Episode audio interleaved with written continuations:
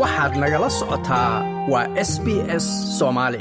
gudoomiye ku-xigeenka arrimaha amniga iyo siyaasadda maamulka gobolka banaadir ayaa ka warbixiyey qarax miino nooca dhulka lagu aaso oo lala eegtay gaari ay saarnaayeen ciidanka dowladda federaalk ee soomaaliya kaasi oo ka dhacay degmada dayniile ee ka tirsan gobolka banaadir islamarkaana ay ka dhasheen khasaare isugu jira dhimashadii dhaawacyo khasaaraha dhimasho ee sababtay miinadaasi ayaa waxa uu soo gaaray dad shacaba iyo sidoo kale ciidankii qaraxa lala eegtay iyadoo sidoo kale dhaawacyada ka dhashay qaraxaasi ay soo gaareen dad shacab ah oo waddada dhinaceeda marayey sida uu sheegay gudoomiye ku-xigeenka amniga iyo siyaasadda maamulka gobolka banaadir oo shir jaraa'id qabtay qaraxaasi kadib gudoomiye ku-xigeenka amniga iyo siyaasadda maamulka gobolka banaadir cali cabdi wardheere caliyare oo shirka jaraa'id ka hadlayey ayaa ka warbixiyey khasaaraha ka dhashay qaraxaasi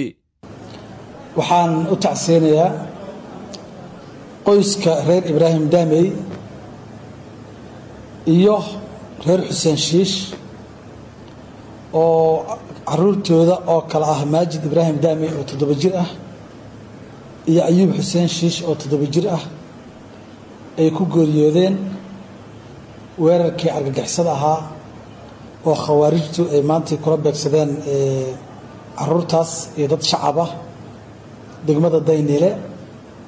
sidoo kalena ay ku dhaawacmeen carruurta ee muxuu ahaa la dhashay allah u naxariistay saqiir maajid ibraahim walaalkiis muxsin oo isagana lix jir ahaa. Iyo sidoo kale dadkii shacabka ahaa ee ku dhaawacmay. Khawaarijta sida caadada u ah waxay joogteeyaan dilka dadka aan waxba galabsan sida carruurta hooyooyinka waayeelka iyo dadka cibaadaysanaya oo jooga goobaha ilaahay. Sida aad ka warqabtaan qaraxii sagaalaatanka oktoobar ka dhacay soobe oo lagu xasuuqay dadka shacabka ahaa ee tiradoodu gaaraysay boqol labaatan iyo kow. Waxaa ogtihiin in siddeetan iyo lix ka mid ay ahaayeen carruur arday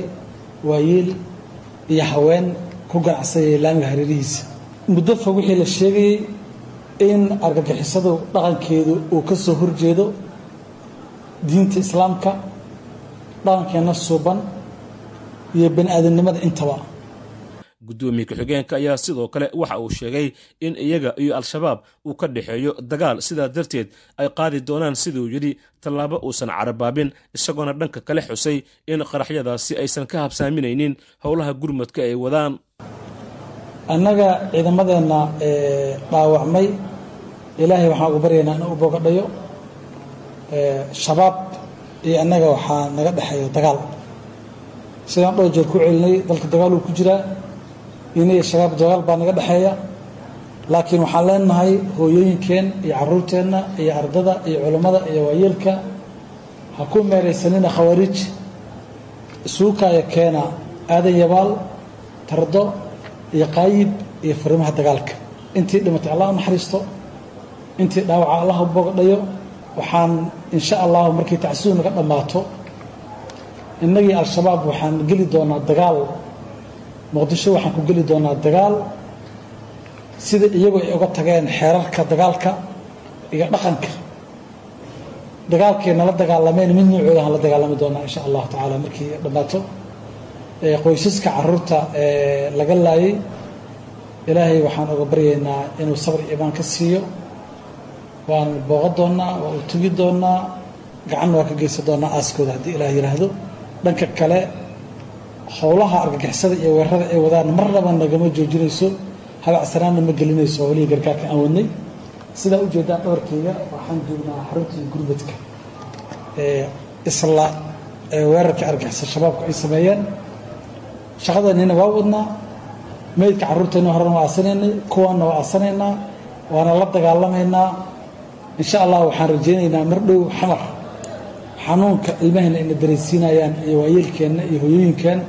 mid la mid ah oona aniga hadda aanan fasirayn inay dareemaan rajaynaya waana mahadsanta si kastaba qaraxan lala eegtay mid ka mid a gawaarida ciidanka dowladda soomaaliya ayaa ku soo aadaya xilli sagaallabaatankii bishan isgoyska soobe ee magaalada muqdisho uu ka dhacay qaraxyo xoogan oo loo adeegsaday ilaa laba gaari halkaasoo ay ku geeriyoodeen in ka badan boqol iyo labaatan ruux ka badan saddex boqol oo kalena ay ku dhaawacmeen kuwa oo inta badan ahaa dad shacab oo halkaa ku sugnaa. Dhanka kale ergeyga madaxweynaha soomaaliya u qaabilsan xaaladaha abaaraha dalka ka jira cabdiraxmaan cabdishakuur warsame oo muddo ku maqnaa safar dibadda ah ayaa markii uu soo laabtay wax uu ka warbixiyey xaaladihii ugu dambeeyey ee gurmadka iyo dadka abaaruhu ay saameeyeen iyo safaradii uu dalka dibaddiisa ku tegey shirkan jaraa-id aan ujeedkiisa yahay aan maanta halkan ku qabanayno inaan ka warbixino xaaladda gurmadka abaaraha gaar ahaan dhinaca ku aadan qareybidda iyo dhaqaale u raadinta sidii loo taageeri lahaa dadku ay abaaraha waxyeeleeyeen dalka waxaan ka maqnaa oo aan safar dibadaha u jiray in ka badan bil oo intaas ay ahayd dadaal aan ku raadinaynay sidii loo heli lahaa gurmad deeq ah oo dadku abaaraha saameeyeen lagu gargaaro. Shan iyo labaatankii may sanadkan markii uu madaxweynaha ay xil saaray inaan noqdo ergeygiisa gaarka ah gurmadka abaaraha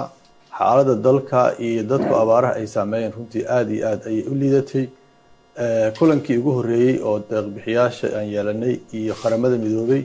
waxay ahayd in baahida looga jawaabi karo dad ku dhowaad lix milyan iyo hal boqol ah oo markaas xilligaas ay abaaruhu si saameeyeen dhaqaalaha looga jawaabi karo ee loo baahan yahay wuxuu ahaa hal bilyan iyo afar boqol oo milyan. Qasnada ama dhaqaalaha loo hayay markaas iyo hay'adaha kala duwan ee un-ka ugu horreeya iyo kuwa kale oo caalamiga ah ay hayeen xilligaas wuxuu ahaa laba boqol iyo lixdan milyan oo keliya.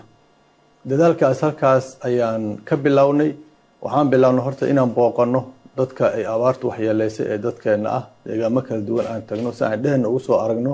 dhibaatada iyo xajmigeeda inta uu la egyahay kabacdina waxaan bilaabnay bilownay kulamo isdaba jooga oo aan leenahay deeqbixiyaasha safaaradaha halkan ku leh dalka gudihiisa iyo hay'adaha ka shaqeeya gurmadka abaaraha iyo gargaarka un-ka iyo ka mid yihiin iyo hay'adaha kale oo internationalka ah ama caalamiga iyo kuwa maxalliga ah ee soomaalida intaba. Ergeyga waxa uu sheegay in dalalka deeqaha bixinaya qaarkood ay dib u dhigeen gacansiinta dalka soomaaliya maadaama uu yidhi dhaqaalaha dunidu uu saamayn xoogan ku yeeshay dagaalada ka jira ukrain iyo ruushka iyo saamayntii cudurka covid sagaal iyo toban. Sidaa darteed ay ku bixiyeen dadaal xoogan oo dheeriya qaabkii loo heli lahaa dhaqaalihii horey loo ballanqaaday waxaana uu tegey sida uu sheegay ilaa iyo shan waddan oo khaliijka ka tirsan iyo kuwo kale oo maraykanka iyo qaaradda yurub ah islamarkaana gacanta lagu hayo qayb ahaan dhaqaalihii loo baahnaa ee la doonayey in wax looga qabto xaaladaha abaaraha ee dalka ka taagan. Dadaaladaas kadib markii aan sameynay oo kulamo badan oon ogaanay xaaladda iyo meesha cilada ka jirto waxaan bilownay aan garowsanay in in kabitaaliska ama caasimadaha go'aanka laga gaaro la tago maahana inay adag tahay in la helo deeq dheeraad ah. Sababahan dhowr jeer hore u sheegnay adduunka oo ku mashquulsan dhibaatooyin kale oo ka jira adduunka iyo saameyntii ka dhalatay covid nneteen-kii oo dhaqaale adduunka hoos u dhigtay dagaalka ukraine oo adduunka crisis cusub ama dhibaato cusub ku soo siyaadiyey. Waxaasoo dhan waxay keeneen dadkii deeqaha bixi jiray inay deeqahoodii gadaal runtii u dhigtaan ama ay ceshtaan. Marka waxay u baahneed u qareemid iyo dadaal badan irid kasta in la garaaco. Waxaan ka bilaaba waddamada khaliijka ah oo shan dal oo kamida aan tegey anigoo qaarkood ka wada fariin madaxweynaha oo baaq ah. Sidoo kale waxaan tegey ilaa lix wadan oo kale oo waddamada ugu muhiimsan ee deeqda soomaaliya siiyey ay ka mid tahay. Waxaan booqday xarumaha ugu waaweyn ee adduunka taladeeda laga go'aamiyo oo hay'adaha multilateralka ama ay joogaan sida new york brussels iyo geneve intaasoo dhan waxaan raadinaynay in dadkan soomaaliyeed gurmad loo sameeyo. Waa ilaahay mahadiis hal bilyan iyo boqol milyana hadda hertaan gacanta hay'adaha un-ka ku jirta oo dadkaas abaarta saameysay oo ayagana sii kordhay runtii. Awal lix milyan iyo hal boqol ay ahaayeen hadda hertaan toddoba milyan iyo sideed boqol ay marayaan sababtoo ah colaadaha joogtadaha ee dalka ka socda argixisada ay wadaan iyo roob la'aanta ama roob yarida. Sidaa la socotaan roobka dayrta aada u yaryahay afar xiliyo horena roobka waa baaqday. Iyo barakaca zaa'idka wuxuu keenayaa dadka abaaruhu saameeya inay sii bataan. Marka ugu yaraan hal bilyan iyo iyo maaragtay hal boqol oo milyana hadda la hayaa inta kalena waxaan rajaynaynaa in la heli doono oo raadisteeda aan u galno